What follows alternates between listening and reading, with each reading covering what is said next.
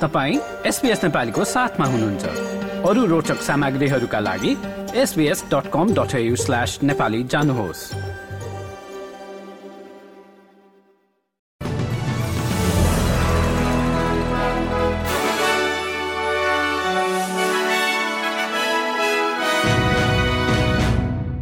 नमस्कार आज बुधबार एक्काइस फेब्रुअरी सन् दुई हजार चौबिस। अब पालो भएको छ एसपीएस नेपालीमा आजका प्रमुख अस्ट्रेलियन समाचारहरू सुन्ने। प्रसंग शुरू गरौं वुलवर्थ ग्रुपका प्रबन्ध निर्देशकको राजीनामा सम्बन्धी प्रसंगबाट वुलवर्थ ग्रुपका प्रबन्ध निर्देशक तथा प्रमुख कार्यकारी ब्राण्ड भण्डुचीले सेप्टेम्बरमा राजीनामा गर्ने भएका छन् र वुलवर्थको नयाँ प्रबन्ध निर्देशकमा सुपर मार्केट ग्रुपको ई कमर्स शाखाकी प्रबन्ध निर्देशक अमाण्डा ब्राडवेललाई नियुक्त गरिने भएको छ। अस्ट्रेलियाका दुई ठूला सुपर मार्केट चेनहरूमा खाद्यान्नको मूल्य वृद्धिलाई लिएर बढ़दो दबावको बीचमा बण्डुचीको राजीनामा आएको हो।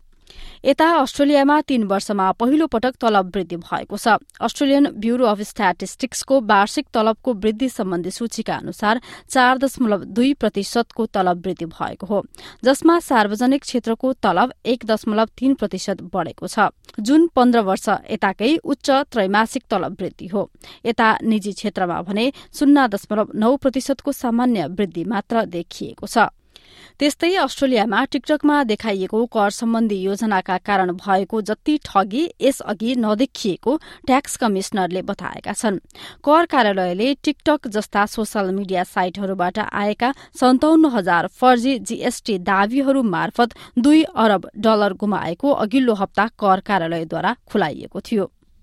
अस्ट्रेलियाली वकिलहरूको गठबन्धन अस्ट्रेलियन लयर्स अलायन्सले अस्ट्रेलियामा गाँजालाई वैधानिक बनाउन आह्वान गरेको छ। अस्ट्रेलियामा गाँजालाई वैधानिक बनाउने संसदीय छानबिनका लागि पहिलो सार्वजनिक सुनवाईमा औषधिको स्वामित्व र प्रयोगलाई वैधानिक बनाउने गरी उक्त राष्ट्रिय संघले पनि प्रस्तावित कानूनलाई समर्थन गरेको हो। गत वर्ष माथिल्लो सदनमा ग्रेन्स सांसद डेभिड सुब्रिजले गाँजा राख्न पाउनुलाई वैधानिक बनाउने विधेयक पेश गरेपछि यो अनुसन्धान शुरू भएको थियो। अब खेलकुद बेलायती अर्बपति सर जिम ऱ्याटक्लेफले म्यान्चेस्टर युनाइटेडको पच्चीस प्रतिशत शेयर खरिद गरेका छन्। सम्झौतालाई इङ्ग्लिस फुटबल एसोसिएसनले यसअघि नै अनुमोदन गरिसकेको थियो र प्रिमियर लीगले पनि ऱ्याटक्लिफलाई अल्पसंख्यक शेयर लिन अनुमति दिएको थियो। एकहत्तर वर्षीय ऱ्याटक्लिफले क्लबको पच्चीस प्रतिशतसम्मको शेयरका लागि दुई अरब डलर तिरेका थिए। हस्त एसपीएस नेपालीबाट आजको प्रमुख समाचार यति नै। सुरक्षित रहनुहोस्। नमस्ते।